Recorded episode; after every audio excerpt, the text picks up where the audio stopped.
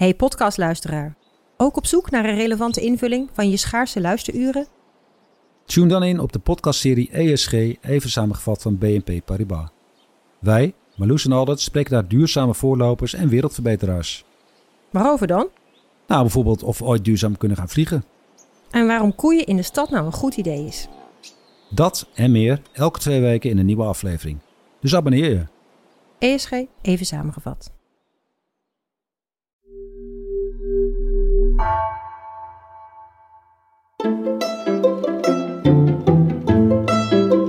Welkom, wij zijn Onbehaarde Apen. Dit is een podcast van NRC over wetenschap.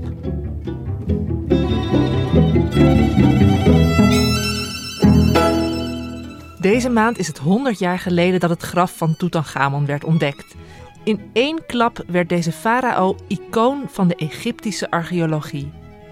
Terwijl hij zelf maar een onbeduidende farao was die niet ouder werd dan 19 jaar. Hoe kan hij dan toch zo beroemd zijn geworden? Wat betekende de vondst van Tutankhamon voor de archeologie? Mijn naam is Gemma Venhuizen en vandaag zit ik in de studio met wetenschapsredacteuren Bart Funnekotter en Hendrik Spiering. Welkom. Hallo. Hallo. Nou, Tutankhamon dus. Hebben jullie hem ooit gezien? Nee. Ja, vraag ik natuurlijk omdat ik hem wel ooit heb gezien in het museum in Cairo. Dat heeft wel diepe indruk op me gemaakt. Dat Ik- kan me voorstellen. was nog een tijd dat ik archeoloog wilde worden toen. Dat, eh, maar eh, wat ik me ervan herinner, hè, dat, dat dodenmasker, volledig goud. En de vloek die ermee gepaard ging. Dat iedereen die het graf zou schenden ook dood zou gaan. En ehm, is, is dat ook Tutankhamon in, in, in de geschiedenis? Zijn, zijn dat de belangrijkste wapenfeiten?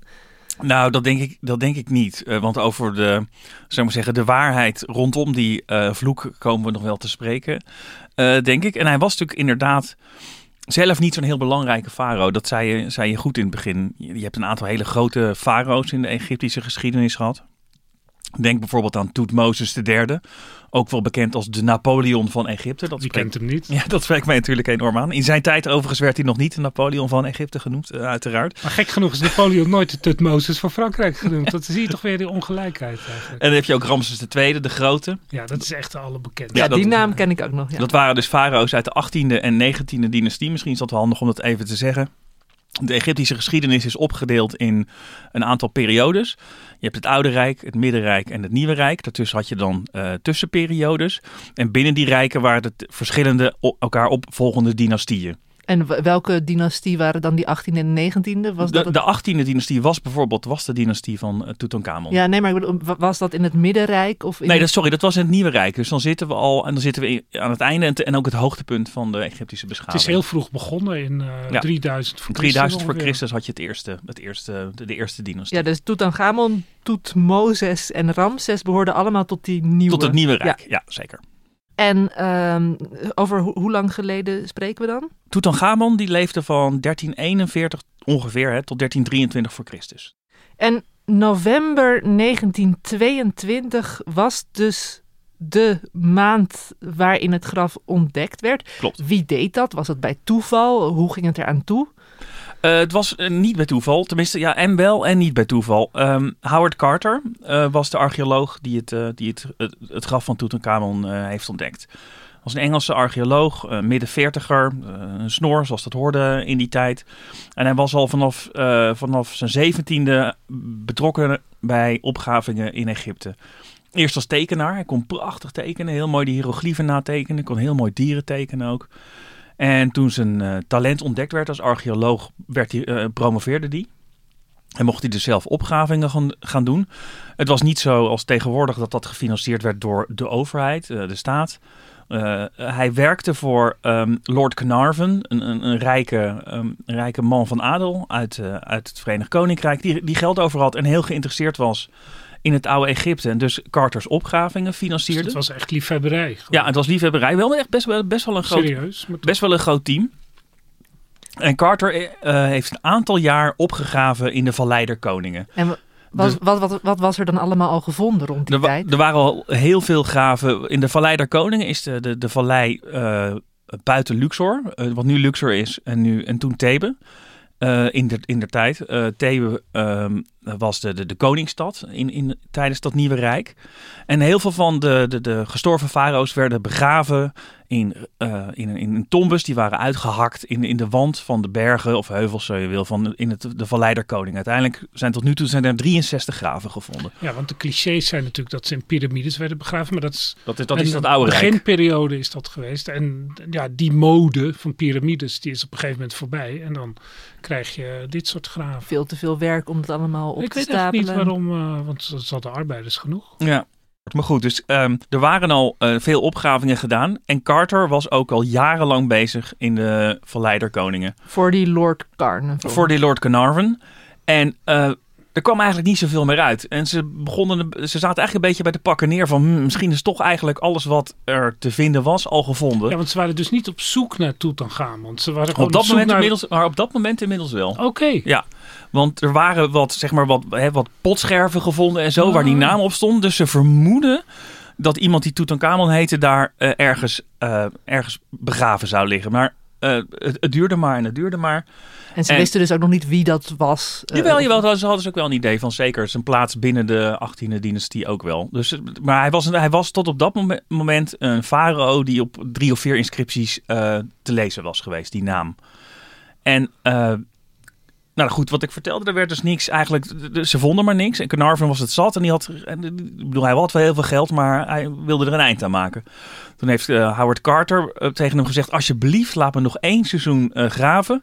En ik wil zo graag dat ik het. ik ben bereid het uit mijn eigen zak te betalen, Want eigenlijk wel. Als ik me dat, die, die vallei zo voorstel, hè, was het gewoon zo dat al die uitgegraven graven daarna weer met, met zand waren overwaaid? Nee, nee, nee, Waarom... die waren allemaal open. Oké, okay, dus ja, die waren open. De, de meeste waren gewoon wel direct uh, zichtbaar. Ja, die waren zichtbaar. En het interessante is dus, want Carter zei van alsjeblieft laat me nou nog één jaar doorgaan. Oké, okay, zei Lord Carnarvon, ik betaal het nog voor één jaar. Want je want wilt kennelijk zo graag dat je zelfs bereid bent om het zelf te betalen. Vooruit, ik lap nog één keer. En het interessante is, toen ging uh, Carter ging toen zoeken vlak uh, in de buurt van het, um, de opening van het graf van Ramses VI. En dat lag helemaal open. En in de tijd dat daaraan gewerkt was aan dat graf, uh, was er allemaal uh, troep neergelegd en, en hutjes waarin, uh, waarin de werklui zaten. Op een bepaald gedeelte van het terrein. En dat, we hebben, dat is niet eens op een steenworp afstand van dat, die opening van het graf van Ramses VI. Maar als je zegt met een flinke aanloop en je maakt een sprong, dan was je op die plek. Dus die hebben ze al die troep eraf gehaald. Zeiden dan laten we nou nog eens op deze plek gaan kijken. Echt enkele meters van de opening van het graf. Het is allemaal zand, hè? Het is ja. eigenlijk een soort woestijn. Ja, zand, steen, misschien een ja. beetje inderdaad nog de resten van wat ze hadden vrijgemaakt van die eerdere graven. En toen op 4 november 1922, uh, toen gebeurde er iets bijzonders. Um, er, er, werkte ook lokale werklui mee um, met, Carters, um, met Carters team. En de water, Egyptische waterjongen, Hussein Abdel Razul, die was, uh, die was daar bezig. Die was misschien, had zijn emmertje water even neergezegd. En die zag toen dat onder het zand waar hij stond een, een, een, een stenen traptreden eigenlijk te zien was. Die niet naar dat al, nee, nee, al wat, zichtbare wat, graf klopt, leidde? Nee, maar die, die, die ergens, ergens anders heen uh, leek te leiden. Dus, uh, dus uh, Hussein op, op een drafje naar Howard Carter. Die begon daar die traptree vrij te maken. Zag dat het nog een trede, nog een trede was. En toen wisten ze, toen wist hij van wacht eens even, ik heb iets gevonden. Toen hebben ze de, de, de, de, de gang, die liep schuin naar beneden. hebben ze vrijgemaakt en toen stuitten ze op een, een muur. Een afgesloten muur.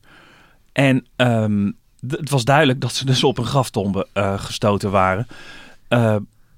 Howard Carter wist, dit kan zijn waarnaar we al die tijd gezocht hebben. D dit is het misschien. Dus wat hij toen deed, en waarschijnlijk met pijn in zijn hart, want hij had natuurlijk het liefst meteen doorgegaan, is dat hij de hele boel heeft uh, dichtgemaakt weer. Want Lord Carnarvon, die zat in het Verenigd Koninkrijk en die had niet voor niks al die jaren betaald. Die wilde er natuurlijk wel bij zijn als er iets gevonden werd. Ja, en, en die had ook, uh, die, die, die, was zelf teruggegaan omdat hij dacht, nou er is, wordt ja, toch niets meer gevonden. Hij, ging, hij, hij, vond het leuk om daar een beetje rond te, uh, tijdens het opgraafseizoen een beetje de, in de weg te lopen, zal ik maar zeggen. Maar ook niet dat hij er de hele tijd bij was. Um, Howard Carter uh, die, die schrijft een telegram naar Lord Carnarvon. Daar staat in... Heb eindelijk een prachtige ontdekking gedaan in de vallei. Een magnifieke tombe met intacte zegels. Alles weer afgedekt tot uw aankomst. Gefeliciteerd, H. Carter. Er zaten zegels op. En dat is heel belangrijk uh, om dat even uit te leggen. Een zegel, dat was een soort van... Die, die drukt, werd gedrukt in de nog zachte, zachte materie. En, en op die zegel stond de naam... Een van die zegels stond de naam van Tutankhamon. Dus ze wisten, Nou, bingo, denk je. we, we wisten, ze wisten, we staan hier bij het graf van, eh van Tutankhamon.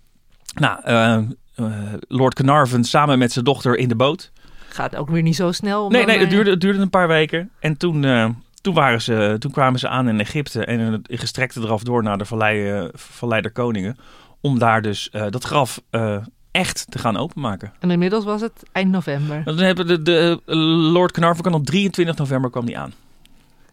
Dus nou, hè, weer, weer dat zand weg, die traptreden bloot. En aan wie was toen de eer om dat zegel te verbreken? Nou, het zegel wordt niet verbroken, want dat zat er gewoon in. En daardoor zag je dat. Ze zagen trouwens toen ook, toen ze de boel aan het schoonmaken waren, dat er herstelwerkzaamheden hadden plaatsgevonden aan die muur, waarmee de gang was dichtgemetseld. Dus daardoor wisten ze van, oh nee, er zijn mensen in deze tombe geweest. Eh, en dat is weer dichtgemaakt. Dus de spanning was nog wel een beetje, eh, wat gaan we zien? Nou, Carter had toen uiteindelijk, uiteindelijk de eer om een gat in die muur te maken.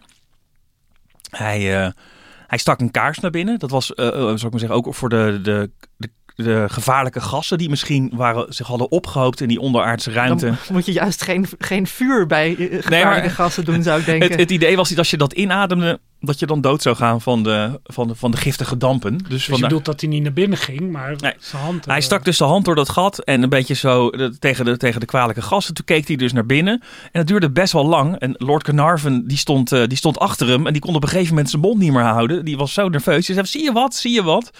En toen zei Carter, toen zei Carter en dat is interessant. Ja, het is prachtig. En dat is uiteindelijk in de overlevering eh, doorgekomen als... I see wonderful things. Maar dat, dat, dat hij prachtige dingen zei, dat heeft hij dus niet gezegd. Alleen om het verhaal een beetje mooi rond te maken, eh, is dus de zin: ja, het is prachtig. Daar is van gemaakt: ja, ik zie prachtige dingen. En dat zag hij ook, want ehm, de, het graf was eh, vol, propvol. Met? Ja, van alles, heel veel prachtige spullen. Eh, wat hij kon zien, de, we weten uiteindelijk door, nadat het werd uitgegraven, dat de, de, de tombe uit vier kamers bestond. En eh, Carter en ook de rest, want het, het gat werd gauw groter gemaakt. Er werd ik maar zeggen, een bouwlamp bijgezet om eh, een beetje te kijken wat er te doen was daarbinnen. Er zijn vier kamers. Je ziet eerst, eerst kom je in de, de, de, de, voorkamer, die antechamber. Dan, eh, als je daarin zou staan en je slaat rechtsaf, kom je bij de, de grafkamer. Daar zat overigens nog een muur tussen waar ze ook doorheen moesten. In die grafkamer weer naar rechts kwam je in de schatkamer. En helemaal links in die, in die voorkamer zat een gat in de muur. En daarachter staan, zat een annex, dus een soort van opberghok. En dat was het ook, want daar stonden spullen die gebruikt waren om, eh, om, de, om eh, de tombe mee te maken. Maar ook dingen van eten en drinken bezem. weet ik het allemaal. Van alle, er zijn uiteindelijk iets van eh 5000, meer, ruim 5000 verschillende voorwerpen in dit graf eh, En aangetroffen. dan sieraden, maar ook Ja. drinkbekers. ja, of, ja, en, en een lege, lege wijnfles. En van dus, eh, die vijf... lege wijnfles. Ook ja. ja, misschien heeft Tutankhamon dat toch dan nog zelf opgedronken. Maar van, dus, van, van al die spullen daar staan er, er staat de helft in die kleine eh, ruimte die de annex eh, wordt genoemd. En dat, dat was dus een soort van opberghok. En daar, daar stonden dus veruit de meeste voorwerpen in. Het was echt een zootje. Alles was over elkaar gevallen en gegooid. Dus het zou nog een enorme uitdaging worden om die spullen er netjes uit te halen zonder dat je de boel zou slopen. Dat was gewoon door de tand destijds. Waar, eh, Nou, ook zo, ook zo gewoon erin gegooid Ja. na de begrafenis. Want het was een soort van eh, eh, het hok met de niet zo belangrijke spullen. Je, Ja. je, je lelijke, slordige schuurtjes, Maar je, maar want, want farao's kregen dat allemaal mee, omdat gedacht werd van, hè, dan hebben ze tenminste Ja, nog dan hebben ze, hebben, ze, hebben ze van alles. Maar het was, het was ook, er stonden ook echt werktuigen en zo. Dus het was gewoon eh, alle dingen die niet heel mooi waren. We komen nog wel eh, over te spreken wat er allemaal voor moois was. Maar de wat gewonere eh, spullen, die zaten dus in dat, dat, dat, dat hokje ernaast, de annex. het was dus een relatief klein graf. Ja, het was dus een relatief klein graf inderdaad. En de vraag is eh, ehm, of dit eigenlijk wel het hele graf is. Daar is nog een, best wel een discussie over Nog steeds? tussen sommige archeologen. Oh, ja. dat er En nog wat betekent dat dan? Dat als je de- nog door een muur heen zou gaan, dat je dan misschien nog meer zou vinden. Maar dat durft niemand aan. Niemand durft die. Er, er is werk gedaan met, eh, met radar en, en dat soort zaken. En de conclusies waren niet helemaal eenduidig of er nog iets achter die muren zit die we nu al kennen. Maar ja, de- niemand wilde doorheen. Eh, met het het- risico dat je dus iets kapot maakt en dat het voor niks is. Want op die muren staan ook allemaal als hieroglyphen. En er staat Ja, het zijn allemaal op. prachtige tekeningen inderdaad. E- En even tussendoor, 1922. eh, wat, wat was toen de situatie? Waarom waren al die Engelsen daar bezig in Egypte? Was, hadden ze een vrijbrief om daar gewoon hun, hun gang te kunnen gaan? Nou, dat, dat- aan die periode was net een beetje een einde gekomen. Ehm, e- om Egypte werd geknokt door de Engelsen en de Fransen. De, de Napoleon kwam daar. En de Turken. En de Turken, ja, die, zijn, die werden eruit gegooid door Napoleon in, in 1798. Dus heel kort hebben de Fransen daar gezeten. Lang genoeg om de steen van Rosetta te, te ontdekken. Waar, aan de hand waarvan het hieroglyphenschrift is gekraakt. Ze werden er in 1801 eh, door de Engelsen uitgegooid. Die waren toen eigenlijk 100 jaar lang de baas. Totdat in 1919 eh, iets begon wat de Egyptische revolutie eh, heet. En die leidde er in 1922 uiteindelijk toe. Dus hè, het jaar van de opgraving. Dat ehm, eh, Egypte min of meer een zelfstandige staat werd. Maar de facto was het nog een protectoraat. Want over alle, zou ik maar zeggen, eh, mili- als het ging om buitenlandse politiek, militaire kwesties, ehm, bleef ehm, het Verenigd Koninkrijk eh, de baas. Maar in die honderd jaar tussen dat Napoleon er kwam en dit moment werden er door Fransen, Britten, Duitsers, in mindere mate ook Amerikanen, op grote schaal eh, opgravingen gedaan. En eh, daar hadden ze dus ook eh, de toestemming voor van de to- toenmalige, toenmalige heersers. Maar juist op dit moment, rond deze 1922, begonnen, begonnen de Egyptenaren zich meer te laten gelden. En het aardige is dus dat de Egyptische oudheidkundige dienst, die was sinds de tijd van Napoleon eh, in Franse handen. Er waren eigenlijk een Franse directeur was daar altijd. En het leuke was dat in 1922, of net daarvoor, was er ook een nieuwe Franse directeur aangetreden. En die identificeerde zich heel erg met de Egyptenaren. Eh, en hij vond het waarschijnlijk ook extra leuk om de Britten dwars te zitten. Dus ehm, eh, Carter en Carnarvon die, die, die vroegen van, hé, mogen we niet... eh, die, die wilden eh, meer de vrije hand. En die kregen ze dus niet van die Franse baas van de Egyptische oudheidkundige dienst. Die dus heel streng stond op dat vergunningen zoals ze verleend werden, waren, naar de letter werden nageleefd. Maar dat is dus een geluk geweest, want anders waren ze ergens anders gaan zoeken natuurlijk. Zeker. En, en het is ook een geluk geweest voor Egypte uiteindelijk dat ze dus mede door de hulp van die Fransman, dat al die spullen dus uiteindelijk in Egypte zijn gebleven. Ja, want in feite was Egypte de facto toen onafhankelijk. De Britten hadden het onafhankelijkheid gegeven onder hele ongunstige voorwaarden. Ja, en ze, ik. en ze waren gewoon militair gezien nog de baas. Er, er waren nog heel veel Britse soldaten. Dus, maar eh, no way dat het naar Engeland zou gaan. Dus. Nee, dat is dus, dat is dus de, de, tegengehouden. En, eh, en het aardige is, er was dus een contract gesloten tussen Carter, Carnarvon en de Britse, eh, sorry, en de Egyptische overheid. En in dat contract stond, eh, als er een intacte tombe wordt aangetroffen, dus een tombe die nog helemaal vol is, dan zijn de, is de inhoud ervan is voor Egypte. Ja. Mogen, maar Carter en Carnarvon hadden dus gezien dat die muur open was geweest. Ah. En werd dichtgemaakt. En die, uiteindelijk eh, gingen ze kijken van... eh, er lagen ook wat spullen op de grond. Er waren wat kisten leeg. Dus er was inderdaad... Op kleine schaal is er eh, iets gejat. En toen zeiden ze... Ja, sorry, dit was geen intacte tombe. Ehm, dus we willen graag alles meenemen naar, eh, naar het Verenigd Koninkrijk. En nou, daar, daar is toen veel over geruzied. En uiteindelijk trokken eh, de Britten daar aan het Ja, kort want als er zoveel rijkdom wordt gevonden, dan wil iedereen daar eigenaar van zijn. Ja. natuurlijk. Klopt. Maar ook wel opmerkelijk dat er dus al wel een soort kleine plundering was geweest. Ja, vrijwel meteen na de begrafenis van Tutankhamon waarschijnlijk. Ja, toen Misschien dat hij er iemand zijn bij laten liggen of zo. Ja, het, wat, ik ook, wat, wat nog wel eens voorkwam, is dat eh, de arbeiders niet zo goed, niet op tijd betaald werden. En dan gingen ze gewoon zelf hun salaris halen. eh, door eh, gewoon een ki- Want wat er uiteindelijk kwijt is geraakt, dus er is twee keer ingebroken in die tompen, vrij vroeg. En eh, wat er toen verdwenen is, dat waren kleine draagbare dingen als juwelen en dergelijke. En Dus daarom is het ook dichtgemaakt, omdat zeg maar, het idee, de, de, de nabestaanden van die tomben, die waren nog actief. Want Ja. niemand gaat een tombe van duizend jaar geleden Maar repareren. hoe Klopt. weet je dan dat er iets kwijt is geraakt? Ik bedoel, je zegt nu juwelen, maar was er een soort inventaris dan? Nou, er was een, een, een- een- er was een doos die leeg was en waar, bepa- of waar bepaalde dingen nog wel in zaten en andere dingen niet. Je kon ook zien aan hoe het erbij lag dat de dieven zeker één keer betrapt zijn. Want er lag bijvoorbeeld een soort van een, een zakje met wat ringen erin. Die was weggegooid in een doos Zo. waarin heel iets anders zat. Dus je, kan, je ziet dat helemaal voor. Er was daar iemand net een, een, een, een zakje aan het volladen met, met de buit. En toen werd hij door, want de Vallei der Koningen werd natuurlijk wel bewaakt eh, in der tijd. Kreeg hij zo- zo'n eh, zo'n klopje op zijn schouder, zo zo. Wat zijn we aan het doen? En waarschijnlijk heeft hij toen van de schrik dus inderdaad die juwelen eh weggegooid. Dus Dan ik, ik het is niet niks. alleen bijzonder dat we hier het graf van een farao hebben, maar ook zeg maar nog De eerste Resten van een- in de Ja, geschiedenis. Van een heterdaadje, inderdaad. Nee, dat klopt. eh, van, ja. van eh, meer dan 3000 jaar geleden. En wat lag er dus nog wel? Hè? Je zei van eh, lelijke ge- gebruiksvoorwerpen, lege flessen. Maar je zei ook een hoop mooie schatten. Ja, er lag eh, prachtig. En je mag ook niet eh, over schatten praten, want dat is, dat is niet professioneel. Je moet het over objecten of artefacten hebben. Maar het waren natuurlijk gewoon schatten. Ja, dat is, dat is niet te beschrijven wat er allemaal lag. Lagen, eh, heel veel was verguld, hè, maar er lagen prachtige bedden. Er lag een, eh, stond een troon.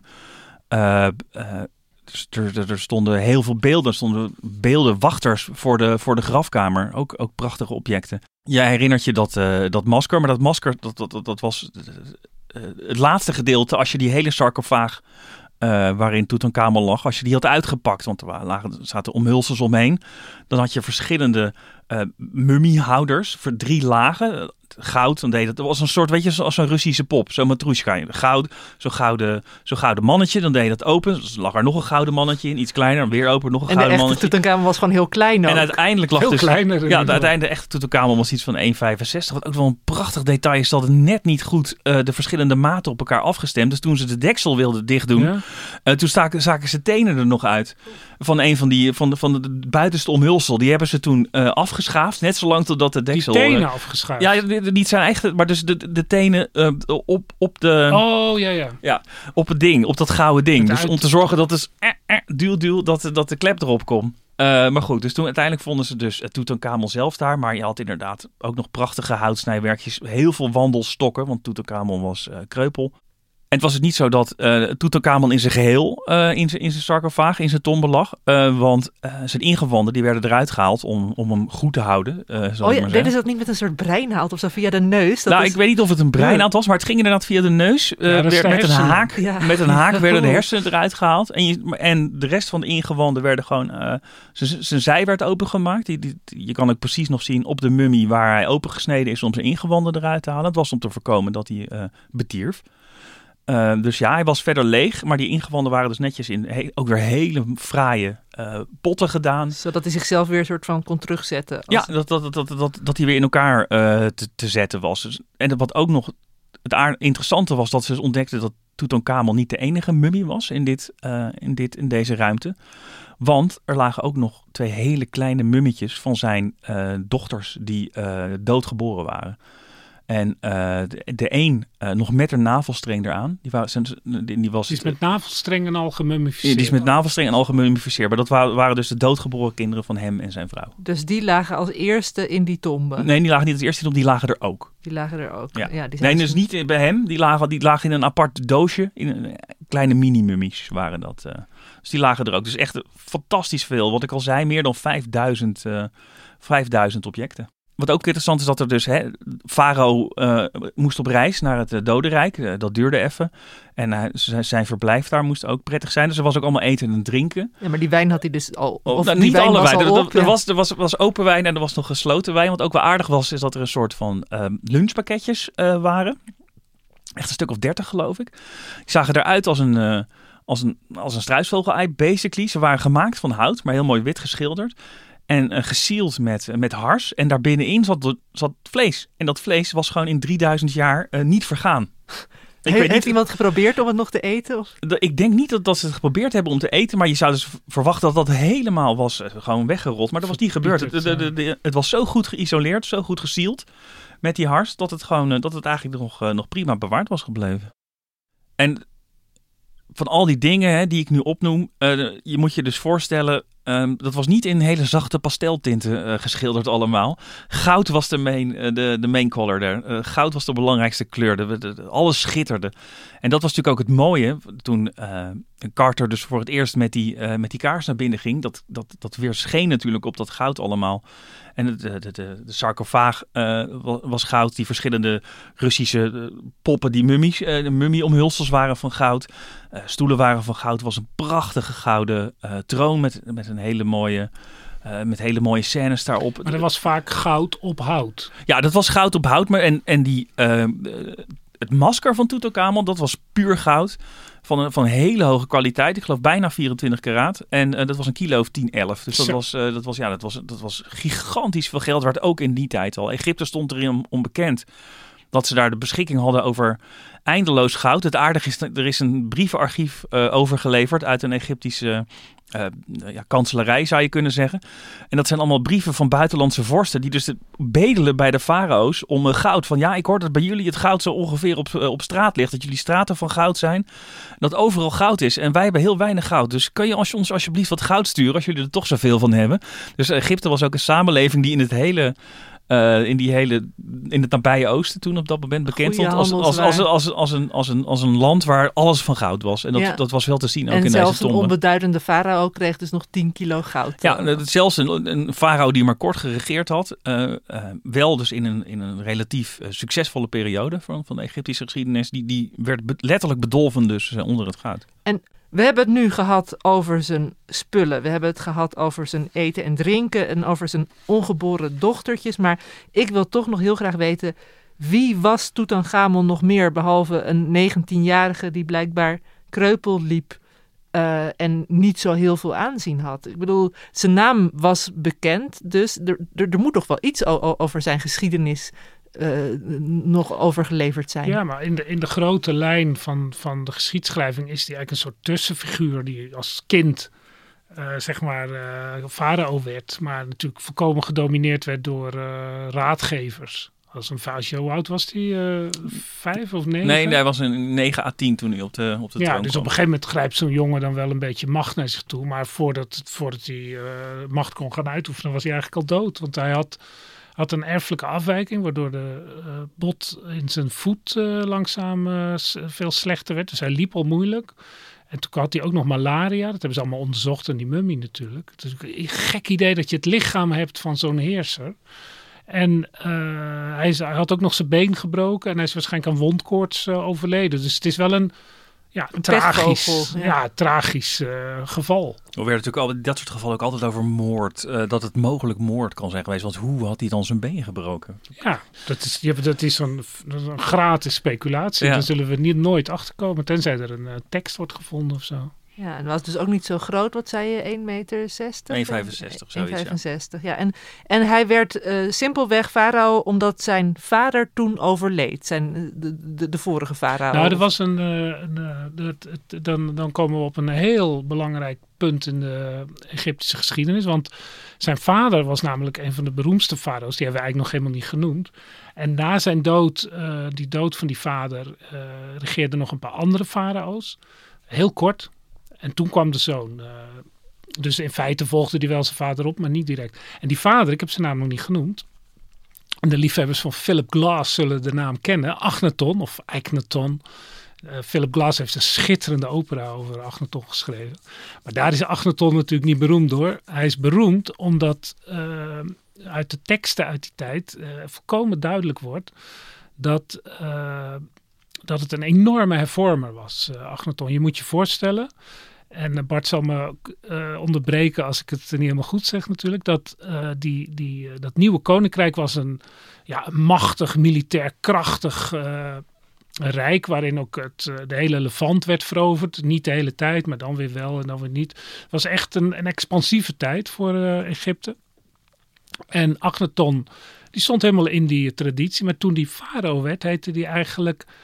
Uh, is dat dan, uh, help me even, Tutmosis of uh, Amenhotep? Hè? Hij was Amenhotep de vierde, ja. Ja, toen, toen, we noemen hem nu Agneton, maar toen hij aan het bewind kwam, toen hij zijn vader Amenhotep de derde opvolgde en hij Amenhotep de vierde op uh, werd, toen uh, heette die dus nog zo, maar hij heeft zijn naam veranderd omdat hij de religie omgooide van Egypte. En dan moeten we even diep de Egyptische geschiedenis in. Omdat de religie van uh, Egypte is natuurlijk heel belangrijk voor het gebied. Omdat er heel de tempels hadden enorme macht. Het was niet alleen de farao die de macht had. De tempels hadden ook veel macht. Dat, verschilde natuurlijk per dynastie. En uh, je moet je voorstellen dat de Egyptische uh, godenwereld heel erg fluïde is. Ja, er zijn allemaal namen die me opeens te binnen schieten. Wat is het? Amon-Ra en Isis en zo. Ja, allemaal... Er zit wel een systeempje in dat uh, Amon is, de, uh, om het simpel te maken, de grote uh, ja, god die over alles is. Maar het is eigenlijk meer een kracht, een aanwezigheid dan een, dan een actieve god. En die brengt dan weer andere goden voort. En het dichtst bij de mensen staat dan Isis, Osiris en Horus. Dat is dan vader, moeder, zoon. En dat is een ingewikkeld verhaal waarbij de een uh, gedood wordt en de ander neemt dan weer wraak. En dat is ook heel erg, die hele cyclus van dood en leven, die komt daarin uh, in voor. Dat verhaal hoeven we nou niet verder nee, uit dat, te werken. Dat was dus allemaal voordat Agnaton ja. Agnaton werd, was dit de situatie. Ja, en Amon was wel de belangrijkste god. Ja, was de hoofd. De en die hoofdgod. werd dan verbonden met uh, Ra, of Re, net hoe je het wilde uitspreken.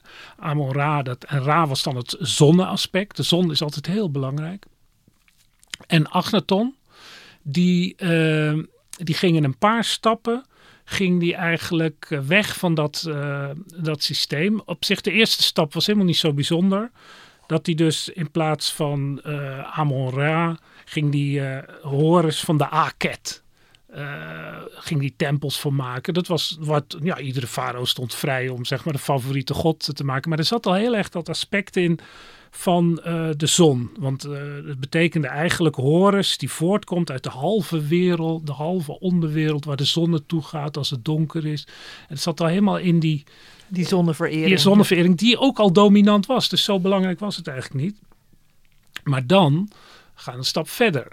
Dan wordt eigenlijk uh, de, de, de tempel van Amon-Ra die wordt verlaten. Dus de, de, dat was het regeringscentrum zat daar vlakbij. Maar uh, Agnaton die gaat dan een eigen hoofdstad kiezen. Dus echt midden in de woestijn, uh, wel dicht bij het water natuurlijk. Maar een heel eind verder. Dat wat nu bekend staat als Amarna en in die tijd natuurlijk anders heette. En er komt een hele nieuwe manier van bouwen met veel kleinere stenen. Dus je voelt er gaat een hele revolutie gaande. En die, die verering van Harakati, zoals of Horus van de Aket, die, die gaat om in de verering van Aton, Aten.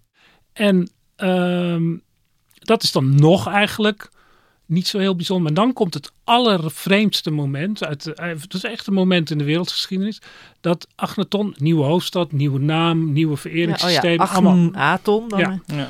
Allemaal prima. En dan verbiedt hij de, uh, uh, de verering van andere goden. Oh, dat dus werd dan, opeens afgoden dan. Ja, ja. ja dat, of dat, die bestonden dan die bestonden niet. gewoon niet meer. En dan, dan krijg je dus in feite het eerste monotheïstische systeem. Dat is vaak in verband gebracht met wat natuurlijk 500, 600 jaar later in Israël gebeurt. Met Yahweh en de tempel en ook een monotheïstisch systeem. En uh, dat is waarschijnlijk niet helemaal terecht, omdat het, het godsbeeld van Aton, van Agnaton, dus die Aten, was helemaal niet een persoonlijke god zoals Yahweh. Het was echt een abstracte god en hij was eigenlijk de enige uh, conduit. Hij, hij, was eigenlijk de enige die contact had met die grote god. Dus het was ook een enorme zelfverheerlijking van, Aton, van Agnaton. Die werd eigenlijk ook als een god vereerd. Hij ja, was een eigenlijk spreekbuis van God dan. Ja, en hij was eigenlijk, want alle farao's waren wel een beetje goddelijk. goddelijk ja. Maar dat, ja, daar kan je allemaal eindeloos over discussiëren. Hoe dan precies? Was het symbolisch of reëel? En er zijn allemaal nuances in. Maar ik geloof wel dat Agnaton de enige farao was met een eigen priester. Dus je had zijn eigen priesters die, die, die hem aanbad. Ja. ja. En, en, en ging iedereen daarin mee? Ja, die priester die moest wel, denk ik dan nou, zo. Je kunt, je kunt zo'n groot, het is echt een grote revolutie geweest, waarin dus ook een hele priesterklasse, er zat een heel politiek element in natuurlijk. Het was niet alleen maar religieus, want die, die, die macht van die tempels, die werd natuurlijk gebroken, want die bestonden niet meer. Die werden uh, militair uh, afgeschaft. Het, had natuurlijk, Agneton had natuurlijk de controle over het leger. Maar zoiets kan je natuurlijk niet doen als daar niet een basale steun van de bevolking en de elite is. Anders dat, dat kan je gewoon niet. Je kan niet zoiets veranderen als daar niet een enigszins steun voor is. Maar er waren natuurlijk ook heel veel mensen tegen. En dat zie je dan ook.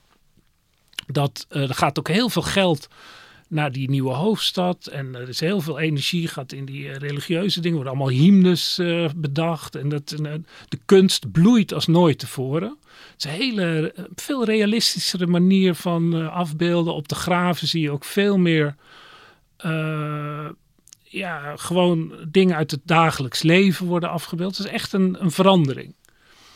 Maar de militaire kant wordt een beetje verwaarloosd. Dus er ontstaan al spanningen.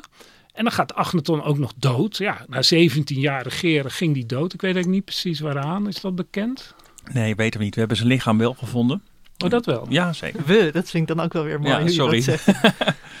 het lichaam van Agneton is bekend. Ook in de vallei van de koning. Ja, want uh, ja, daar kwam hij nadat, omdat uh, Toetankhamon op een gegeven moment iedereen uit die nieuwe hoofdstad naar de, uh, verplaatst heeft naar de, naar de Vallei van de Koning. Maar goed, ja, want dan wordt Achneton dood en dan ontstaat er dus, en wat dat betreft is Toetankhamon natuurlijk wel een figuur, een ontzettend interessante tijd. En die heet dus ook eerst, voor de duidelijkheid, Toetankhaten.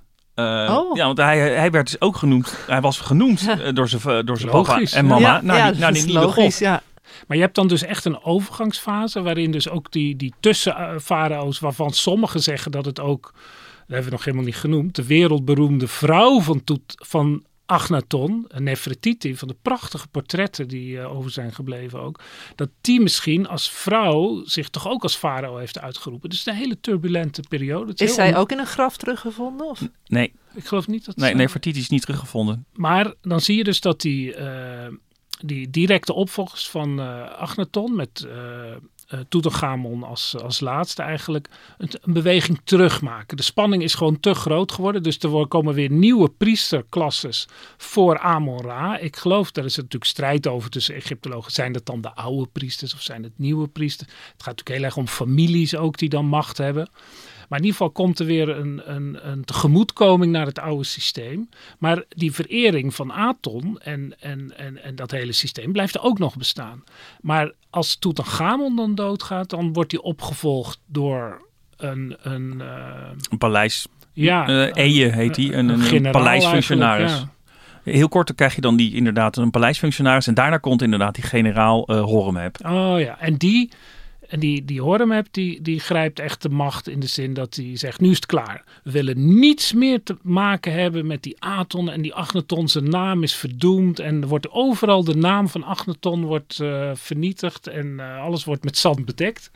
Ja, dat is ook interessant. Dat is mede een reden dat dat graf uh, wellicht uh, ongeschonden is gebleven. Dat van Tutankhamon? Ja, van Tutankhamon. Want uh, dat onder Horemheb en, en zijn opvolgers die geschiedenis zo goed is uitgewist...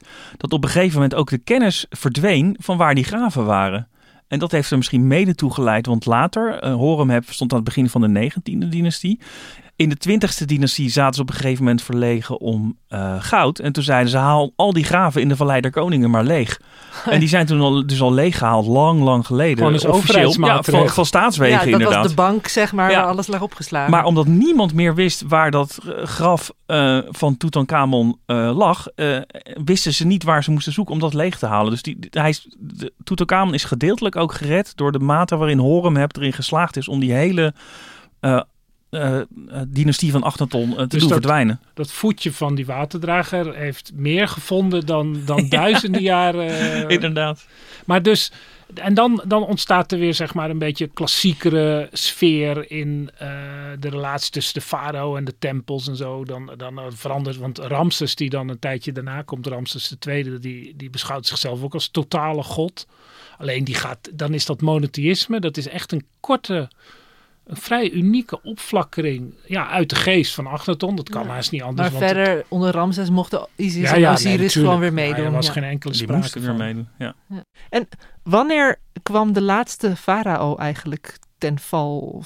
Wat gebeurde er toen met het Rijk der Farao's? Nou, die, die laatste farao, die kennen we ook allemaal. Die heette namelijk Cleopatra. Oh ja, tuurlijk. Dat ja. is uh, de laatste in de Griekse dynastie. Dat is dan uh, een, een, een, weer een ingewikkeld verhaal uit uh, de recentere oudheid. Dat Alexander de Grote verovert dan Egypte. En dan een van zijn generaals wordt dan farao uiteindelijk. En die dynastie van de Ptolemeeën ja, die, de laatste daarvan is Cleopatra en dan wordt het Romeins. En dat, dat, dat doet me even denken, want Bart, jij zei net iets over Nefertiti, die ja, vrouw klopt, van. Ja. En dat die mogelijk ook farao was geweest. Maar is er los van Cleopatra nog van meer vrouwen dan? Ja, ja. Ja, zeker. Ja, dus dat werd wel steeds gewoon. Nou, niet, niet dat, nee, nou, het werd niet heel gewoon. Het was juist zo bijzonder, daarvoor weten we het zo goed. Je hebt natuurlijk ook Hatshepsut uh, nog Ja. gehad, eerder in de 18e dynastie. En die, die, die nam uh, het faraoschap zo serieus dat ze ook overal uh, staat afgebeeld met een baard bijvoorbeeld, Ja. met, met een sik. En die is echt lang aan de macht geweest. En als, als Nefertiti aan de macht is geweest, was het niet, uh, was het niet bijzonder lang. En Cleopatra zat natuurlijk samen met haar, uh, met haar broertje. Ja. Ja, maar goed, met Cleopatra kwam dan het uh, einde aan de farao's. En raakten ze in zekere zin een beetje in de vergetelheid misschien Zeker, ook? omdat, we ook het, uh, omdat ook het schrift op een gegeven moment onleesbaar werd. En iedereen die die dingen nog wel zou staan, die piramides en die obelisken. Ja, in die zin is die fonds van Tutankhamon in 1922 eigenlijk de apotheose Juist, van een van eeuw. 100 jaar. Uh, want het begint eigenlijk met de uh, ontcijfering van het uh, hieroglyphenschrift. En al die opgravingen ook in, in, uh, in, in Mesopotamië, met al die oude beschavingen, de Sumeriërs en Babylon enzovoort. Dan gaat een soort wereld open. En dan zeg je de hieroglyphen zijn dan het startschot ja, dat, daarvan? dat is leuk. De hieroglyphen zijn dus ontcijferd in 1822, 200 jaar geleden. En Tutankhamon was 1922. Dat dus doet je denken, wat gaat er dit jaar Ja, nog even dus- gebeuren? Nou ja, inderdaad. Dus precies in die 100 jaar nou, is, is inderdaad, is, is, heeft Egypte zich aan ons ontvouwd. Het oude Egypte.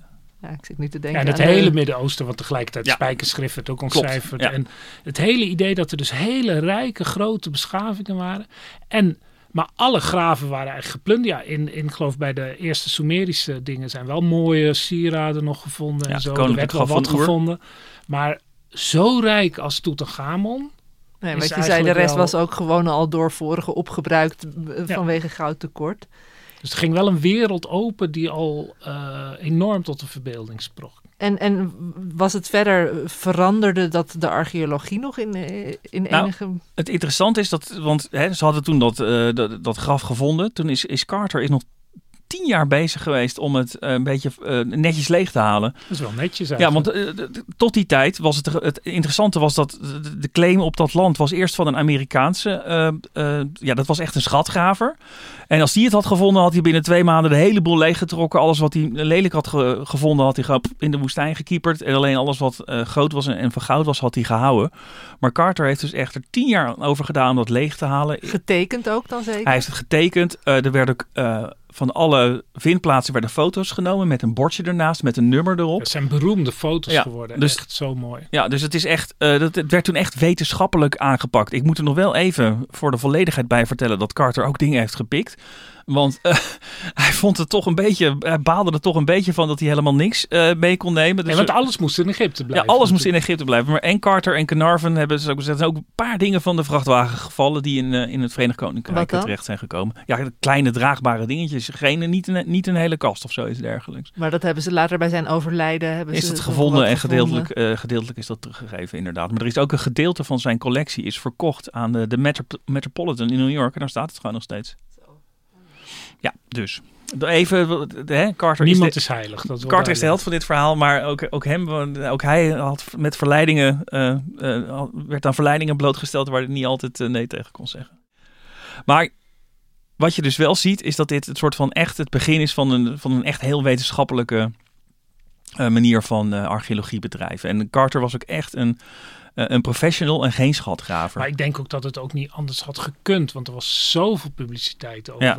En je was, er, was, er, werd, er werd zo opgelet. Ook door de Egyptische autoriteiten. ja, en, en die Fransman dus, die Ja, er dus je- met zijn neus bovenop dus stond. hij eh, als hij daar met de, met de pet naar had gegooid, dan, ja, dan was hij weggehoond. Dan was het van hem afgenomen ook. Ja, want dat is het aardige.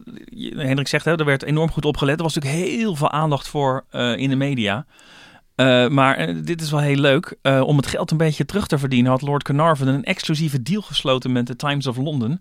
Dat zij de enige, het enige, de enige krant waren wie die vragen mochten stellen die te woord werden gestaan. Um, dus die waren eigenlijk de, de, de mediapartner. Iedereen moest het in de Times lezen wat er aan de ja. hand was. En, en, en, zo komen we uit bij waar jij mee begon, onder meer, namelijk de, de vloek van de Faro. Want die heeft iets met deze mediadeal uh, te maken. Dacht, dat is nog niet smeuig genoeg. Nou, er waren dus mensen van andere kranten die hartstikke boos waren. Dat ze dus niks te horen kregen over wat er daar gebeurde. En die gingen dus wat verzinnen. Ja, en ze moesten toch kranten verkopen. Nou, je kent de Engelse tabloids, die zijn ook niet in hun eerste verzinsel uh, gestikt. dus die, begon op, die verzonnen op een gegeven moment het verhaal van de vloek van de farao. En uh, wat het wrangen was, is dat er gebeurde rondom die opgraving gebeurde ook een aantal dingen waarvan je zou zeggen, als je een neiging hebt tot complotdenken, nou, nou, dat is wel heel toevallig. Bijvoorbeeld op de dag zelf dat het graf werd blootgelegd. Howard Carter had een kanarie in huis en die zong altijd heel vrolijk. En op de dag dat het graf geopend werd, werd die kanarie opgevreten door een cobra. Nou, Ongelooflijk. Ja, ongelooflijk. Dat is natuurlijk heel, heel mooi, want wat staat er op de uh, op de kroon van een Egyptische farao. Een cobra. Een cobra, uh, inderdaad. Nou ja, toen had je dus Lord Carnarvon, uh, de, de, geldschieter van dit verhaal, die um, een jaar later, nadat het graf geopend was, um, overleed hij.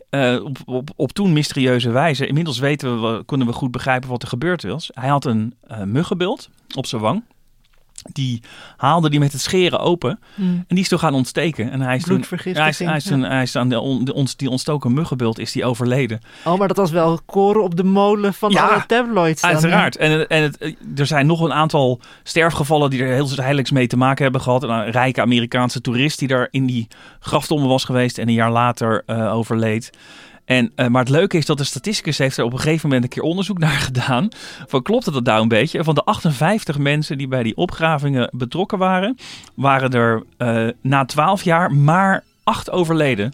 En dat was statistisch gezien dus eigenlijk minder dan je zou verwachten. Dat is gezien, de zegen van de gezien het Dus eigenlijk gaat het hier over de zegen van de farao, inderdaad.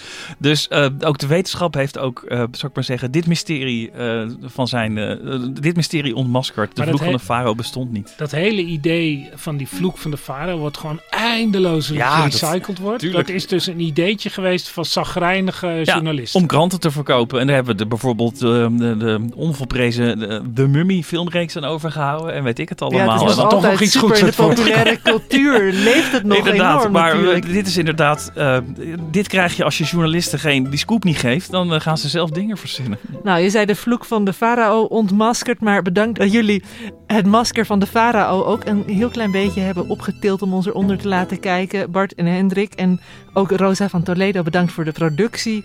En dank aan het Dudok kwartet. Wij zijn er volgende week weer. Tot dan.